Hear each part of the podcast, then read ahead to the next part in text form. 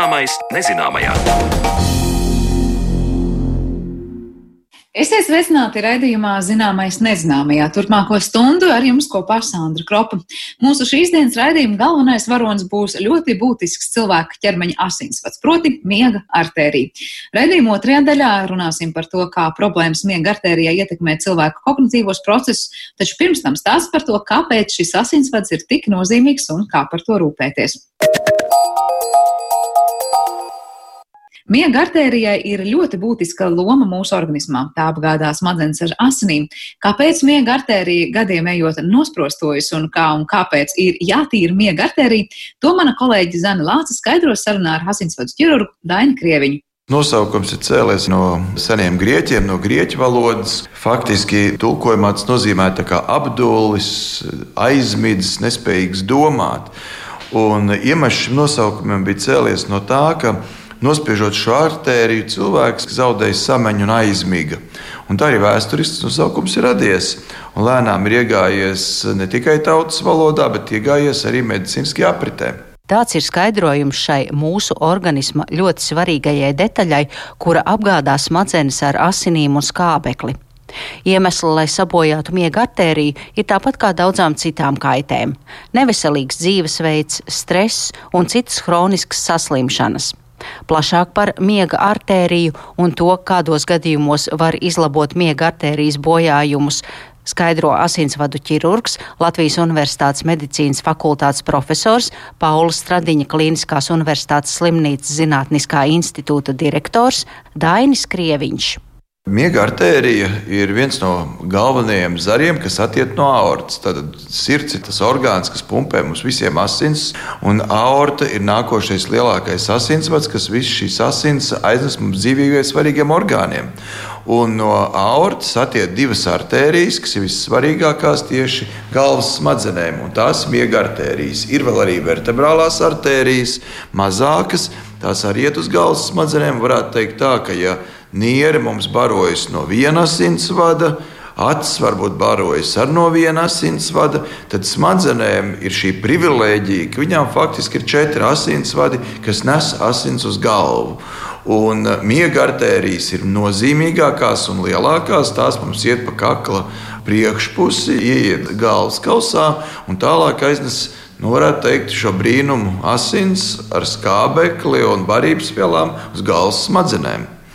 Un, uh, kas ir īpatnēji varbūt galvas smadzenēm, pretēji varbūt rokai, kājai vai citām ķermeņa daļām vai orgāniem, ka galvas smadzenes ir ārkārtīgi jūtīgas, ja viņiem kaut kas pietrūkst.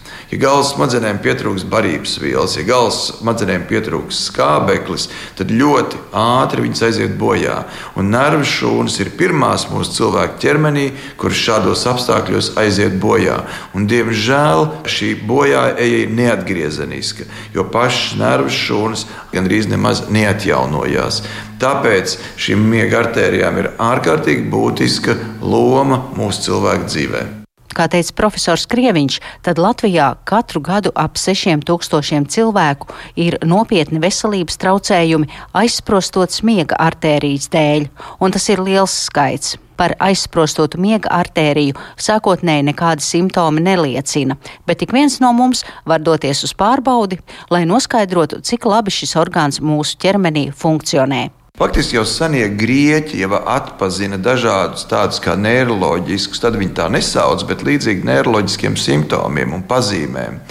Un vajadzēja paiet vēl 1700 gadiem, lai cilvēki, arī dziednieki un vēlāk ārsti zinātu anatomiju un saprastu, kas tad ir šīs svarīgās lietas, kas šo enerģiju pienes galvas smadzenēm. Un eh, vēlāk, jau tikai 19. gadsimta sākumā, angļu ķirurgs Sērs Ašlejs Kupers konstatēja, ka šī miega artērija svarīgā tiek aiztaisīta ciet, cilvēks faktiski ļoti lielos gadījumos nomirst nespēja izdzīvot. Un tad jau tas ir bija jau nedaudz vēlāk, 19. gadsimta beigās, vācu ķirurgs Gluks pirmo reizi dzīvniekam iešuva vēnu bojāta asinsvadu vietā.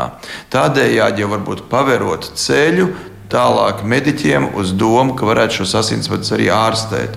Un tiešām tas bija tikai pagājušā gadsimta vidus, 1953. gadā amerikāņu ķirurgs Debeikī, kurš pirmais faktiski veica miega artērijas endoterektomiju, jeb kā mēs tautas valodā teiktu, iztīrīja šo miega artērijas vietu, kas sazarojās pirms ieiešanas galvaskausā no aizkaļķošanās. Un tas varētu būt vēsturisks pavērsiens. Un, ja mēs paskatāmies, no kā radās šie bojājumi asinsvadā, lielākoties tie radās aterosklerozes dēļ. Līdzīgi kā tas ir sirdī, līdzīgi kā tas ir kājās. Arī šeit aterosklerozē mīļa vietiņa ir, kur asinsvadi vai nu sadalās, vai sazarojās. Un tad šajās vietās arī nogulsnējās tie sliktie holesterīni, nogulsnējās citas vielas, kaļķis un asinsvads lēnām aizdambējās. Un varbūt galvas smadzenēm varētu pat nebūt tik nozīmīgi, kāds asinsvads paliek šaurāks, jo ir arī citi asinsvadi, kā jau iepriekš minēju, otra miega artērija, vēl vertebrālās artērijas, kas aiznes skābekļus smadzenēm. Bet problēma ir tā, ka, diemžēl, uz šīm plātnītēm, kas veidojas miega artērijā, veidojas trombi. Un tad, ja šis trombs aizpeld pa traumu smadzenēm, pacientam ir vai nu insults, vai mikrocirkulācijas traucējumi, vai arī pacients uz kādu īsu brīdi zaudē redzi.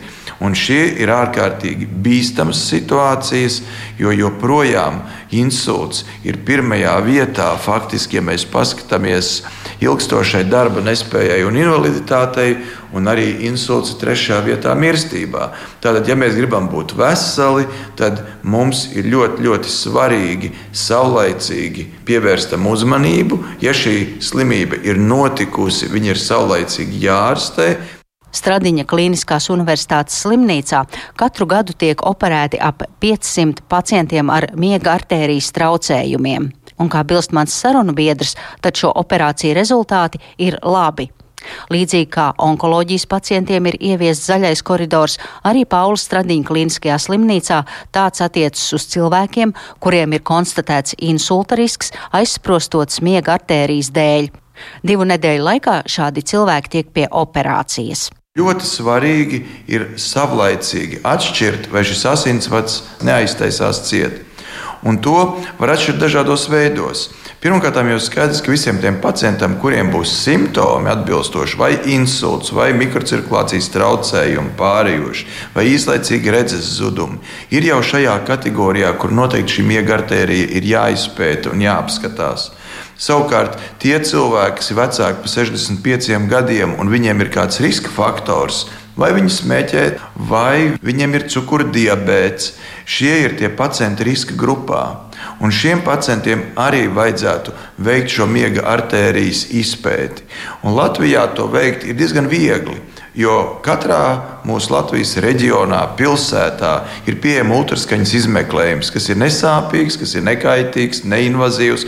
Ar ultraskaņas izmeklējumu ir iespējams apskatīt šīs miega artērijas un pateikt, vai viņas ir sašaurinātas vai nav. Un, ja ultraskaņas speciālists redz, ka šī miega artērija ir sašaurināta vairāk par 70%, tad jau pacienti tiek sūtīti pie mums pie asinsvadu ķirurgiem, kur tālāk jau mēs lemjam par to, vai šie pacienti nav jāoperē. Stradiņas slimnīcas asinsvadu ķirurģijas centrs ir lielākais centrs Latvijā, un mēs operējam lielākoties šo pacientu. Un operējam ar ļoti labiem rezultātiem. Tā kā pacientam nav jābaidās no šīs operācijas, bet no otras puses jāsaprot, ka šī operācija ir pietiekoši sarežģīta, smalka, jo mēs operējam asinsvadus, kas nes asins uz smadzenēm. Kāda ir tā operācijas gaita, kas notiek? Operācijas laikā parasti pacients neko nejūt, viņš ir narkozē, vispār ir anestezijā, un tajā laikā mēs attaisām šo asinsvadu vaļā un gluži tā kā tādi ņiprie santehniķi.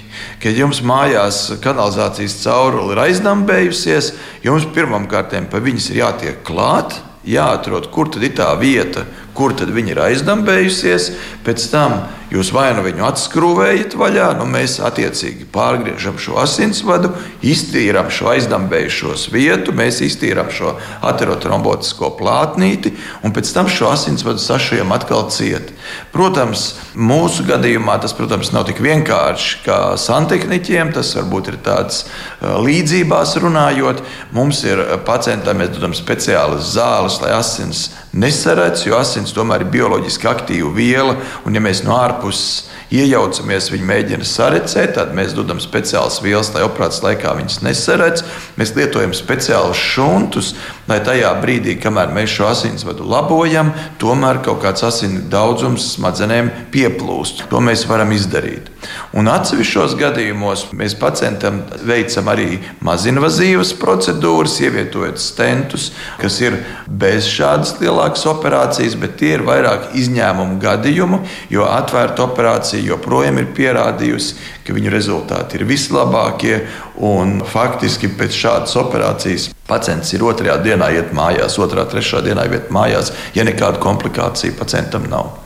Cik liela ir varbūtība, ka pēc tam vairāk miega artērija neaizkaļķosies, vai to operāciju vienreiz izdara un pacients var dzīvot atlikušo mūžu mierīgi? Vai tomēr tāpat kā jūs minējāt to līdzību ar ūdensvadu kanalizāciju, ka ik pa laikam tur mēdz aizdambēties? Skaidrs, ka mēs nevaram izārstēt ar operāciju slimību. Un šī slimība ir ateroskleroze, Tas ir process, kur šie asinsvadi dambējās ciet, kur veidojas šī plātnīte. Un tāpēc vienmēr es arī saviem pacientiem saku, ka numur viens, pirmais, ko mēs runājam, ir nevis operācija, bet pirmais ir dzīvesveids. Mums ir jādara viss, lai tos riska faktorus, kāpēc šī plātnīte veidojās, mazinātu. Pareizs uzturs, fiziskā aktivitāte, normāls arteriālais spiediens. Tiem pacientiem, kuriem ir cukurdibēts, lai viņš ir kontrolēts, lai nav paaugstināts cukuru līmenis asinīs, lai būtu maksimāli mazināts stress mūsu dzīvē, ja vien mēs to spējam izdarīt. Faktiski visas tās lietas, kas mūsu veselību uzlabo, tas mums ir numur viens jādara. Otrs, Jūsu jautājums, vai var atkārtoties? Jā, var, bet šo jaunu sašaurinājumu veidošanās risks ir aptuveni 3% turpmākajā dzīves laikā. Bet lieli pētījumi ir pierādījuši, ka ja mēs šo sašaurinājumu, būtisko sašaurinājumu neizoperējam, tad pacientam risks insultu dabūt vai šos mikrocirkulācijas traucējumus galvas smadzenēs dabūt, ir 6 līdz 9% katru gadu.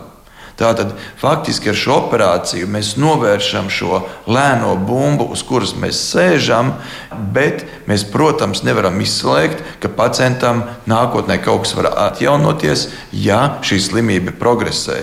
Tāpēc vēlreiz iesaku, rūpēsimies paši par savu veselību un negaidīsim, ka kāds cits par viņu rūpējās. Par miega artērijas nozīmi un tās darbību cilvēku organismā stāstīja Pauls Stradiņa Kliniskās universitātes slimnīcas asinsvadu ķirurgs, Latvijas universitātes profesors Dainis Krieviņš, un ar viņu tikās mana kolēģe Zane Lāce. Bet par to, kā pētīta miega artērijas sašaurināšanās saistība ar domāšanas procesiem, stāsts raidījuma turpinājumā.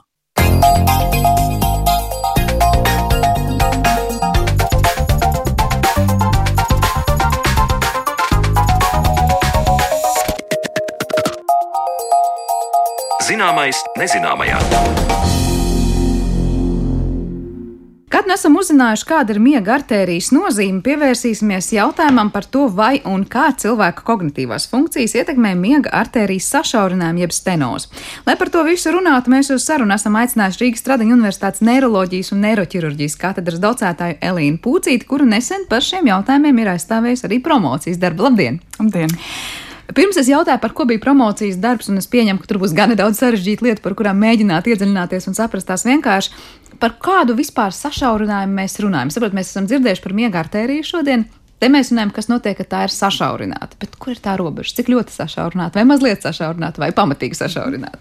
Ja, tad mans pētījums bija vairāk par nozīmīgu sašaurinājumu. Tas ir, ja arterijas diametrs sašaurinās par vairāk kā 70%. Tas nozīmē, ka 30% funkcionē, 70% ir jau slēgti. Kādos gadījumos vispār tas notiek? Visbiežākais iemesls ir aterosklerotisks sašaurinājums. Vēl ir citi iemesli dēļ disekcijas, tas ir iekšējās arterijas sieniņas atslānošanās dēļ, vai arī dēļ vaskulīta, kas ir asinsvada sieniņas iekaisums, kas attiecīgi sašaurina iekaisumu dēļ, tādā varētu teikt, pat rētošanās procesā. Tā kā var teikt, no vienas puses aterosklerozes gadījumā nu, tas asinsvads tā kā aizaug no iekšpuses, aizskaļķojās. Jā. Tā tautas valodā saka, jā. Tautas valodā atļausimies jā. tur arī palikt. Jā. Jā. Vai tas ir kaut kas identisks tam pašam procesam, kas notiek citos asinsvados, vai miega arterijas kontekstā tur ir kaut kas cits? Precīzi. Tas pats var notikt ar sirds asinsvadiem, koronāriem asinsvadiem, kāju asinsvadiem, roku asinsvadiem, ārta. Viss, tā, jo asinsvadu sistēma ir viena sistēma, vienkārši konkrēti es pētīju tos asinsvadus, eh, kas apasiņo galvas smadzenes. Bet eh, nu, miega arterija ir diezgan liela. Ja Pēc diametra. Jā. Un mm -hmm. tas nozīmē, lai tā aizaugtu līdz 70%, tas ir kaut kas, nu, jāsaka, tas ir visas dzīves laikā, kā saka, krāts. Vai tas var arī piemeklēt cilvēku ļoti īsā laikā? Nu, proti, vēl šobrīd liekas, ka viss ar mūsu asinsvadiem ir kārtībā, un te pēkšņi pārsteigums, vai tomēr viss sāksies pamazām citādos mazākos asinsvados, un to var tā laikus novērst vai vismaz diagnosticēt. Mm, tas um, sašaurinājuma um, ātrums, ar kādu viņš sašaurinās, ir precīzi tāds pats kā jebkurā citā asinsvadā, bet uh, kāpēc tas lumens ir lielāks? Tāpēc, ka tā ir vienkārši maģistrālā arterija, kas attiecīgi, kurai lielāks tilpums ir jāpiegādā galvas smadzenēm. Bet, uh, Bet, uh, nu, katrā ziņā nopietnība ir tieši tāda pati, vai mēs precīzi. runājam par kaut kādu rokā, kādu tur mazāku asinsvadu, tur pie, pie es nezinu, jā. pirksta locītājs. Nu, ja varētu salīdzināt ar sirds, jo sirds asinsvadi ir nedaudz diametrā mazāki, bet savukārt, jā, galvas smadzenē, ja mēs konkrēti runājam par miega arteriju, diametrā lielāks, bet tā nozīmība ir precīzi vienāda. Ja mēs runājam līdzībās, tas būtu tā kā kāds autoceļš ar lielu maģistrālu, un tagad mēs runājam par to, kas notiek, ja tas ceļa segums tajā maģistrālē nav labs. Tieši tā. Kāds ir tas pētījums, par ko notika? Tātad pētījums, kas ir brīžos, ja tā stenoze jau ir tik liela, kā jūs minējāt, tas sašaurinājums. Jūs pētījāt konkrēti, kā tas ietekmē tieši domāšanas procesus vai vēl virkni citu lietu? Jā, tieši tā, tā ideja bija tāda, ka um, ir zināms, ka ja ir sašķināta miega artērija, tad ir ļoti liels risks, ka attīstās insults. Ja gadījumā teiksim, tā, šī te sašaurinājums Eh, pārplīst vai kaut kāda daļa atdalās no šīs pangas eh, un tālāk migrē um, uz galvas asinsvadiem, kas ir mazāka kalibra. Līdz ar to viņi tur iestrēgs un pēc tam attiecīgi asins plūsma nenodrošina galvas smadzenēs tālāk asins un skābekļa piegādi, un tāpēc radās insults.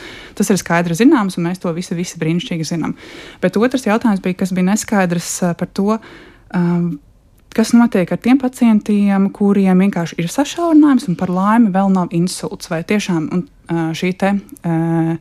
Sašaurinājums viņš tiešām ir asimptomātisks. Varbūt viņš, nesim, tā ideja bija tāda, varbūt viņš tomēr nav asimptomātisks, respektīvi tas ir bez simptomiem. Varbūt viņš dod tādus simptomus, ko mēs varbūt ikdienā skrienot nepamanām, jo insultu mēs visi pamanām.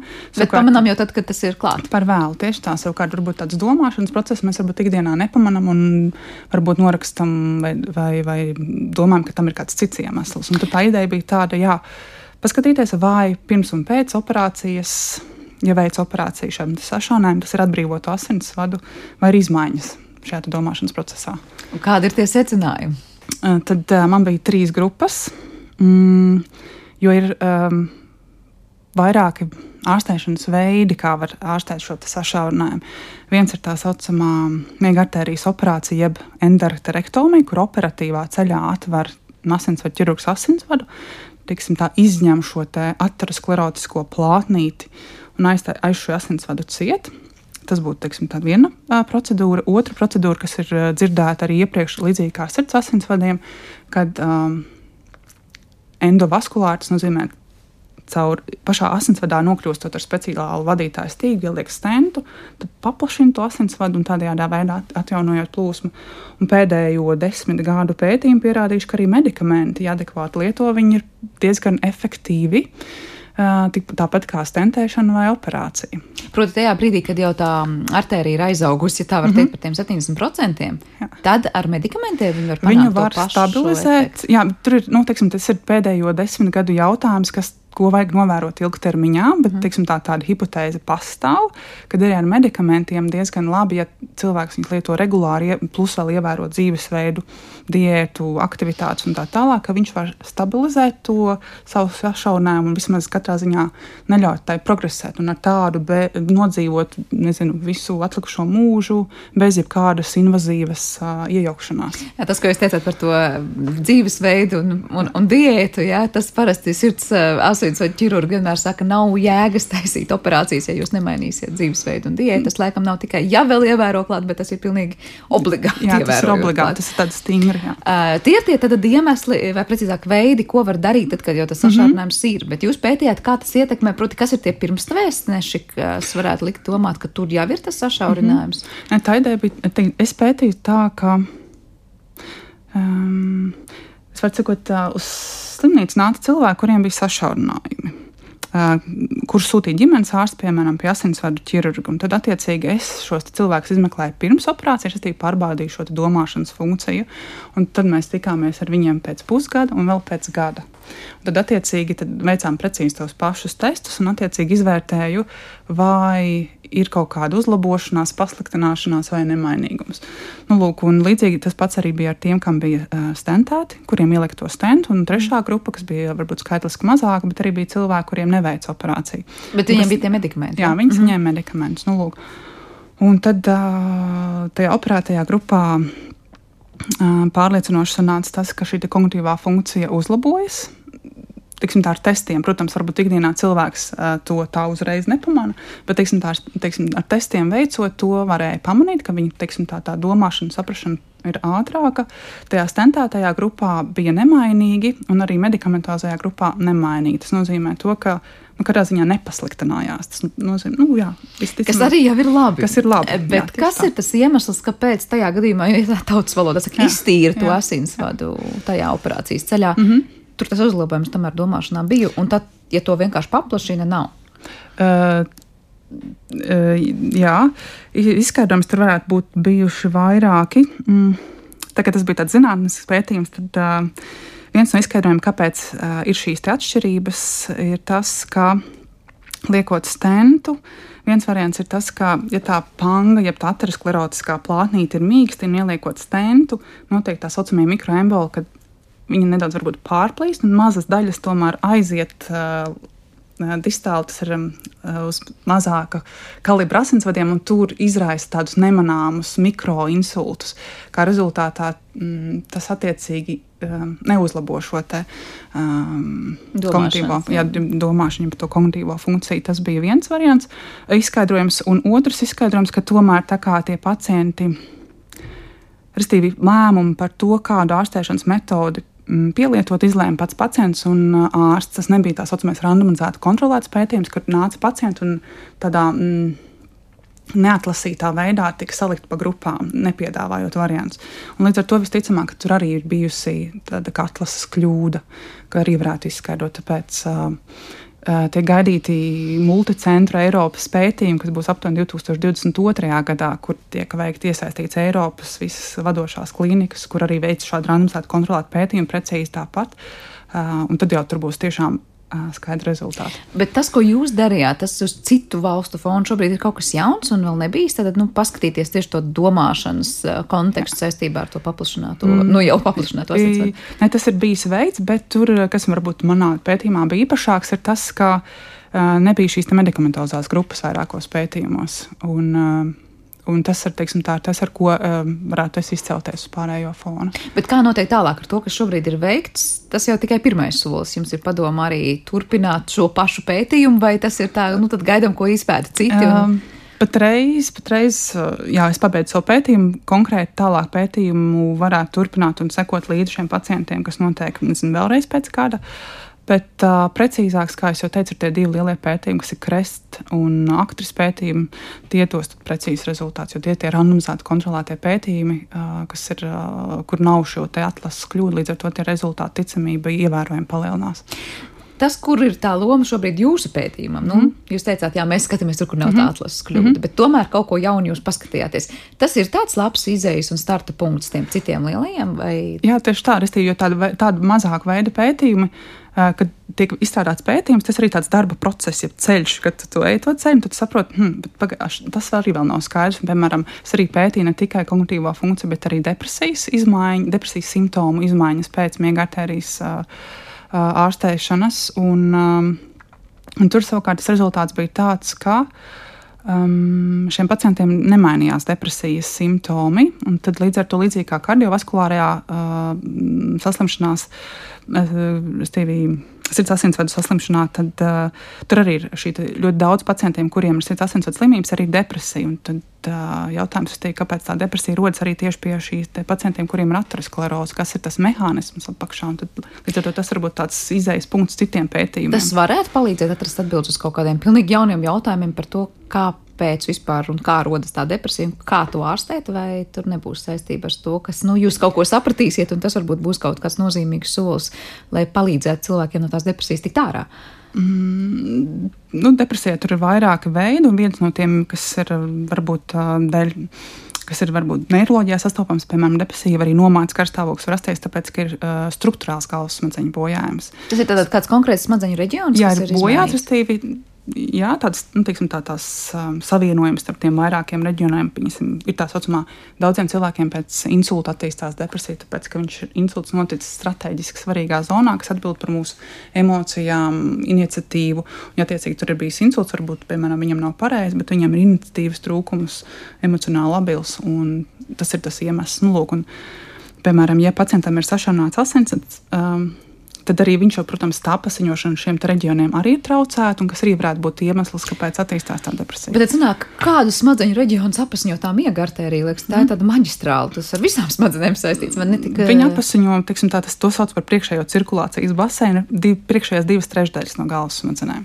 Restīvi, tā ir pieres dāiva un paura dāiva, un pieres dāiva atbild par ļoti daudzām funkcijām, par mūsu emocionālo stāvokli, par mūsu um, uzvedību, restīvi, kā mēs uzvedamies, restīvi, un arī, protams, par motoro funkciju un plānošanu, kā mēs veicam neapzināti motorās funkcijas plānošanu savukārt. Tad nu, mēs tur uh, pakustināsim jā, roku, to visu priekšmetus un tā tālāk. To mēs visi domājam ar pieredzi darbu. Jā, tieši tā. Ja tur nonāk pa tiem 70%, jā, nu jā. kaut vai ņemam to lielāko sašaurinājumu, kas bija mazāk asiņu, tas nozīmē, ka tur arī, var teikt, nu, pa 70% kaut jā. kas nestrādā vai, jā. vai, vai kā to izmērīt? Um, tur ir tāds ļoti sarežģīts mehānisms, jo patiesībā uh, organisms ir ļoti gudra sistēma. Tā ideja ir tāda, ka galvas smadzenēs ir autoregulācijas mehānismi, tiek darīts viss, lai aizsargātu galvas smadzenes.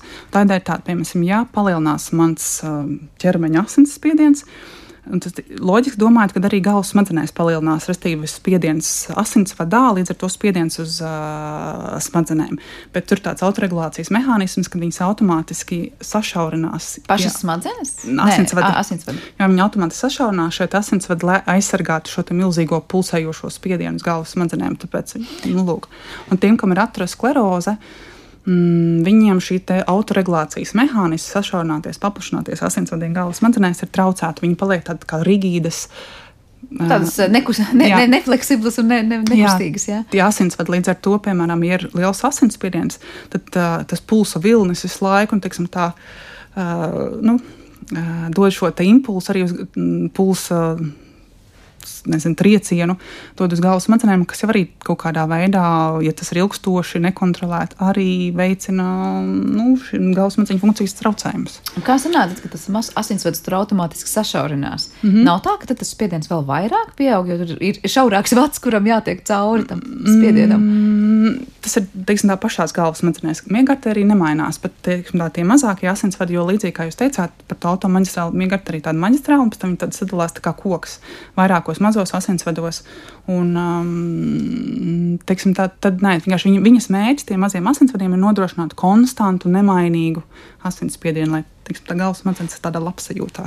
Nemainīgiem laika apstākļiem. Tas ir klimats. Ja? Jā, nu, tur laikam nevēl pēdējā laikā daudz mēs runājam par šo neironu plasticitāti, proti, ka neironi paši atrod tur atkal jaunus ceļus, mm -hmm. kā veidot. Un cik svarīgi dzīves laikā tos trenēt, ja? lai, lai to ceļu būtu daudz tajā brīdī, kad tur tā maģistrāla, mm -hmm. vai precīzāk jau kāds cits celiņš būs ciet, būtu kāds apveceļš. Bet ko darīt, ka tā maģistrāla ir ciet, tur ir kāds apveceļš? Nu, tad, tad, ir, tad, ir, tad, ir, tad ir jāsaprot, cik bīstami, jā, restīvi, cik bīstami ir sašaurinājums.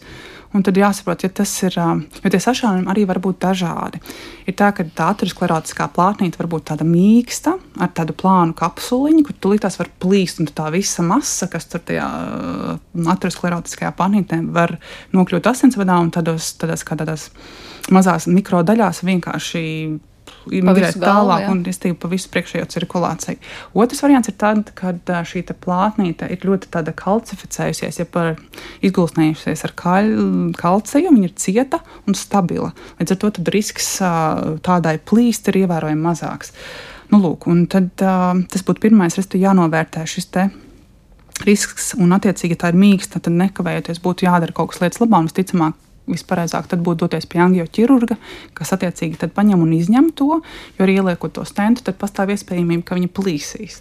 Savukārt, ja tā ir kalcificējusies, nu, tad ir jautājums, vai ir citi simptomi, kā rezultātā, kādēļ būtu jāoperē, vai to var, piemēram, novērot un skatīties atkarībā no blakus saslimšanām, kas arī ietekmē, protams, operācijas riskus un tā tālāk. Bet ko par to domāšanu? Kādi bija tie testi, ko jūs pārbaudījāt un ko skatījāties? Tā ir mhm. tā kā vairāk uz spēju tur cēloņu sakarībās domāt vai atmiņa vai kas? Es izmantoju tādu kā skrīninga testu, kognitīvās funkcijas noteikšanas skrīninga testu, ko sauc par Montreāls, uh, Montreālās, Montreāls skalu, kur ir um, kur nosaka astoņus um, kognitīvās funkcijas domēnus. Tā ir vizuālā uh, domāšana, telp, teiksim, tā vadības funkcija, ir kā mēs plānojam teiksim, savu darbu, tad tur nosaukšana, uzmanība, valoda, atmiņa. Orientācija. Tad, attiecīgi, cilvēks aizpildīja to testu. Un... Bet kāda veida jautājumi nu, bija šajās apakškategorijās, kā jūs to nu, piemēram, uh, nu, kas būtu jāspēj cilvēkam tajā jā. izdarīt?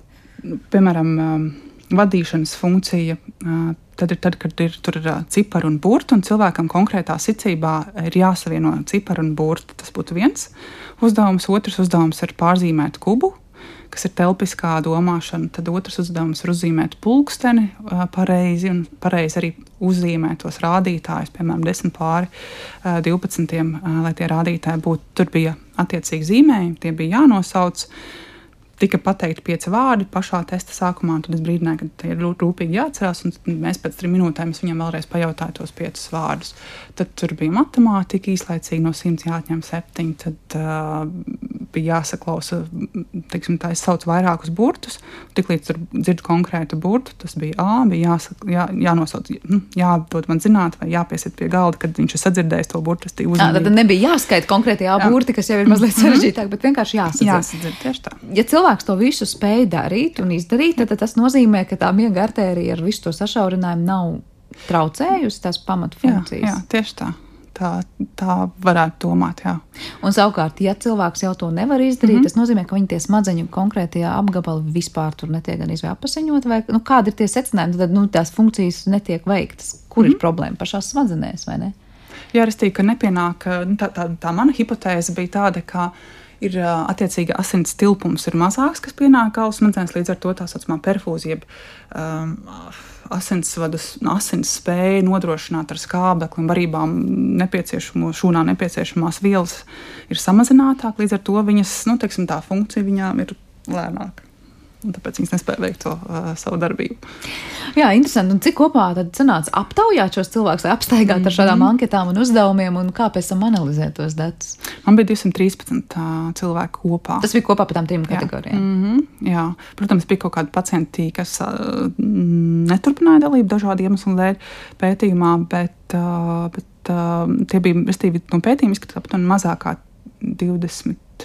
20%. Bet tās atbildes, kā jūs klasificējāt, mērījāt, nu, piemēram, cik cilvēku pareizi atbildēja, vai bija kaut kāda iespēja, kur daļēji pareizi atbild? Vai... Tur ir punktu skaits, restīvi par katru izpildītu uzdevumu es saliku punktu, un attiecīgi tad uh, tur ir normas, un pēc tām normām tad, tad tie pacienti tādā veidā tiek kategorizēti. Var teikt, tāda, tāda salīdzināšana pirms un pēc. Jā, tieši tā, pirms un pēc. Cik atsaucīgi vispār cilvēki ir piedalīties šādos pētījumos, tad, kad viņi mm -hmm. jau skar nu, diezgan mm -hmm. tādas lielas saslimšanas? Nu, jā, tieši tā, tā atsaucība Es pat teiktu, bija diezgan laba, ņemot vērā to, ka cilvēki brauc no ļoti attāliem tiksim, tā, Latvijas rajoniem. Tā bija Ventspils, Liepājas, tas vēl Bal Baltinovs bija viens kungs.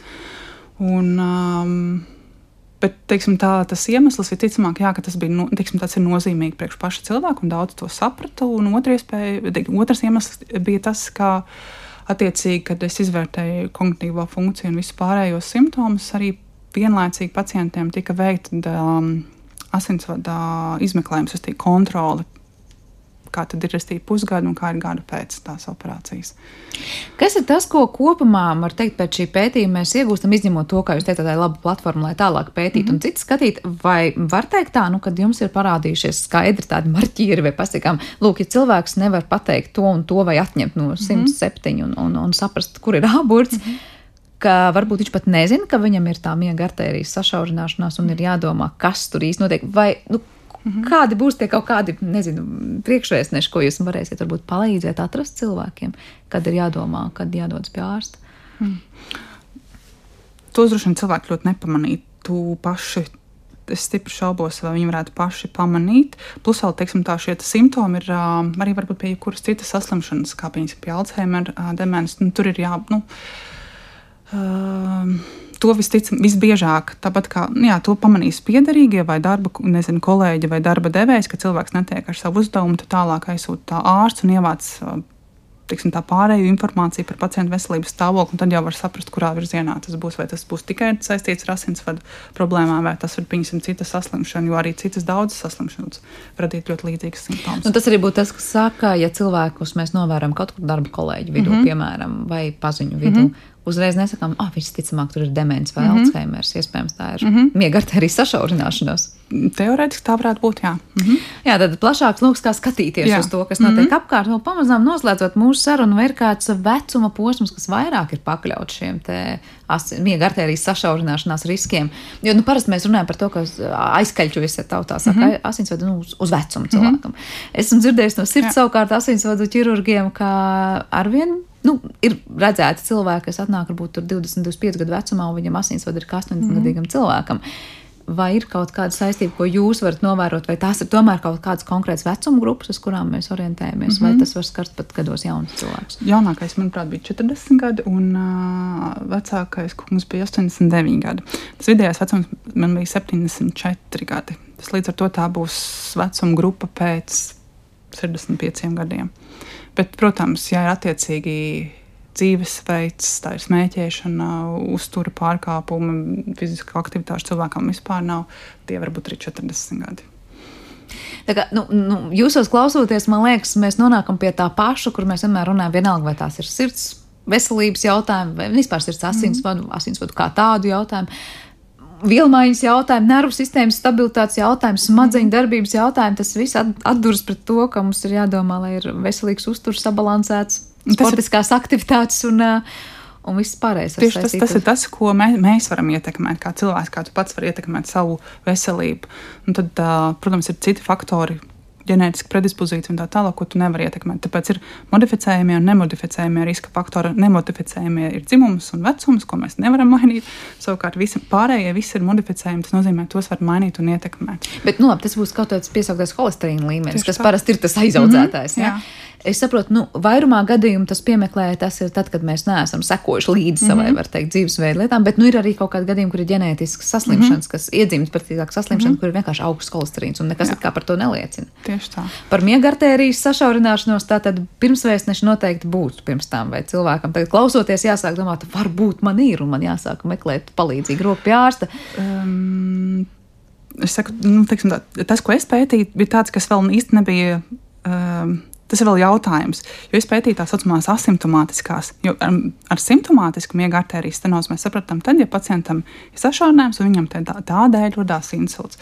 Savukārt, tiem, kam ir tikai sašaurinājums, bet bez insulta, to sauc pēc definīcijas, ka tās ir tā saucamās asimptomātiskās, ja bez simptomiem. Jā, bet cilvēks viņš vispār var dzīvot un nenojaust, ka viņš ir tajā grupā. Jā.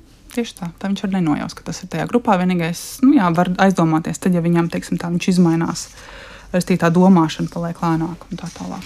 Bet tajā pašā laikā, ko jūs arī teicāt sarunas sākumā, nu, tas var būt tik ļoti komplekss, piemēram, mm -hmm. nogurums un stress. O, jā. pavisam noteikti varētu mums uh, likt justies tā, ka mēs nevaram padomāt jā, tā, kā gribētos. Tā. tā kā mm -hmm. koks ar diviem galiem. Mm -hmm. Lai gan arī nogurums un stress, laikam, būs pirmais vēstnes tajā, lai tie asinsvadi arī sāktu sašaurināties kaut kādā iespējams, un, un, un neveselīgais dzīvesveids iet roku rokā. Tā kā viss tāds. Tieši tā, tur ir jautājums, kur bija pirmais vista vai ola. Tas pats. Tad ir līdzīgi. Nu, Jūsu gadījumā vismaz ar pētījumu ir skaidrs, ka pētījums ir veikts un tas ir kā starta pozīcija kaut mm. kam turpmākajam, nākamajam, ko mēs jau tuvāko gadu laikā mm. gaidām, tad arī no lielajiem zinātnes mm. centriem citur Eiropā. Uh, lūkosim, kāda būs rezultāti. Lielas paldies par šo sarunu. Mēs dzirdējām tad šajā raidījuma pusstundā Rīgas Tradiņu universitātes. Um, neiroloģijas un neiroķirurģijas katras docētāja Elīna Pucīti. Un ar to arī šis raidījums ir izskanējis. Par to parūpējās producents Armīta Kolāte, mūzikas redaktors šai stundai bija Girds Bišs, Kristīna Delbīs, skaņu režijā un es Sandra Kropa jums kopā studijā. Visu labu!